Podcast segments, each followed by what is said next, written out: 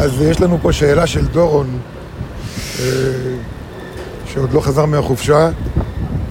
זה אם יש לנו כל כך הרבה דינים והרבה חטאים, והבורא נותן לנו כל כך הרבה הקלות, לקרוא בשופר וכל ה, כל מה שראש השנה עוזר לנו לעבור את זה. למה הוא נותן לנו כאלה הקלות?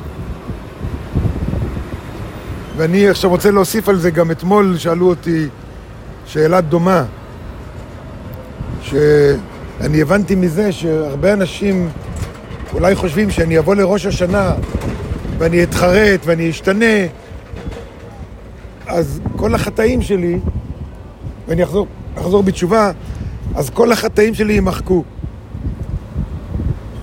והכל יהיה בסדר. זה נראה קל כזה. זה מה שדורון שואל, ואנשים שואלים, זה נראה קל, מה, רק אבוא, אני אעשה תשובה, ובזה נגמר העניין.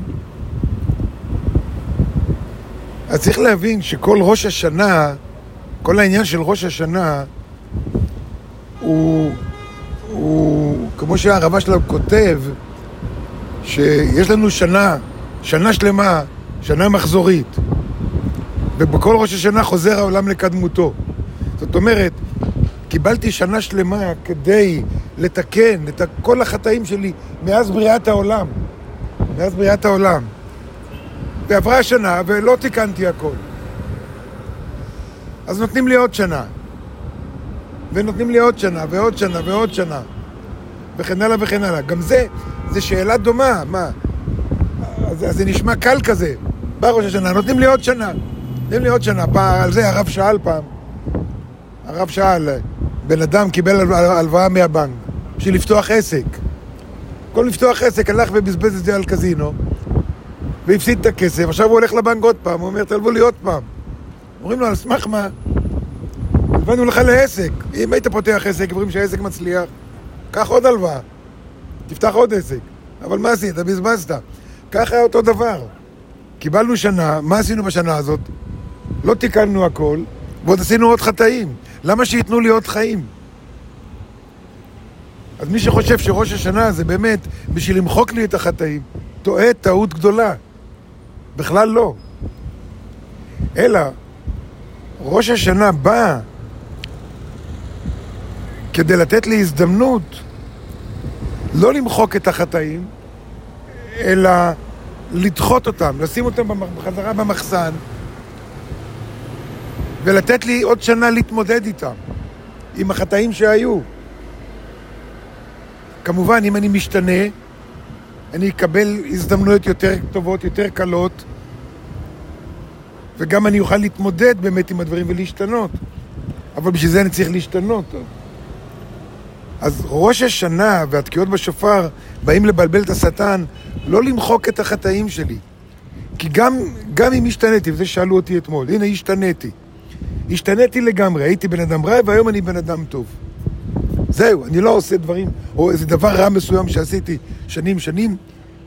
זהו, אני מתחרט והשתניתי, ואני, וכבר כבר כמה שנים, אני זהו, לא חוזר ל, ל, לדברים הרעים שעשיתי. אז זהו, אני פטור מהעונש? על החטאים שעשיתי? התשובה היא לא, כי אותו בן אדם שפגעתי בו עדיין סובל. עדיין פגוע. ניקח את זה בצורה קיצונית. לא בכוונה פגעתי במישהו, וכתוצאה מזה הוא איבד יד. בהתנגשות. לא בכוונה. אבל אני אהיה גורם לזה, בכל מקרה. מה זה לא בכוונה? לא בכוונה זאת אומרת שאני לא התכוונתי, אז למה פגעתי בו בכל זאת? פגעתי בו כי לא שמתי לב מספיק. כי לא היה אכפת לי מספיק לשים לב. זה החטא שלי. לא שזה היה בכוונה. לכן יש עונש על הלא בכוונה גם כן. כי הייתי עסוק בעצמי במקום להיות עסוק כל הזמן. אז עכשיו אני מתחרט ואני עכשיו יותר, יותר שם לב. והשתניתי ואני שם לב ויותר אני לא עושה דברים כאלה. בכל אופן, אותו בן אדם איבד את היד שלו. אין על זה מחיר? יש על זה מחיר. ובאיזשהו שלב אני אצטרך לשלם על זה.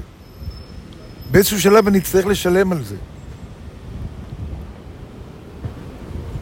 האחים של יוסף מכרו את יוסף, נכון? כתוב בתורה, גונב איש ומחרו, מות יומת. הם גנבו אותו ומכרו אותו. העונש על זה מוות. הם מתו? לא. הם השתנו, זה נכון. אחרי שהם פגשו את יוסף, הם זוכרים את כל הסיפור, אז הם אמרו, האלוהים מצא את עוון עבדיך. זה בגלל שמכרנו את יוסף, התחרטו, שינו את עצמם לגמרי. אבל בכל אופן, יוסף סבל. מה עם הסבל שלו? נעלם? אז זה לקח עוד אלף שנה והם שילמו את המחיר. מה ההבדל? אז הם כן שילמו את המחיר. מות יומת, הוציאו אותם להורג, הם היו עשרת, עשרת הרוגי מלכות, רבי עקיבא ביניהם. אז מה ההבדל אם זה היה אחרי יוסף שמשלמים על המקום, או כשבגלגול הם באו ורבי עקיבא שילם על זה? מה ההבדל? מה הרווח שלנו בכל זאת אם אני משתנה? דחייה ההוצאה של ההוצאה לפועל. יש דחייה, אבל בסוף זה יצא לפועל. אבל אה, יש הזדמנות לתקן. כן, כן, תיקנתי. אז זה שתיקנתי זה לא אומר, בכל אופן הוא סובל. אני תיקנתי את עצמי. תיקנתי את עצמי, אני לא כזה בן אדם יותר. אבל אותו בן אדם איבד יד. עד עכשיו הוא סובל. מה עם הכאב שלו? אין על זה מחיר? מה זה שהשתניתי? אז אנחנו, הסבל שלו סתם ככה? זה ברור השאלה.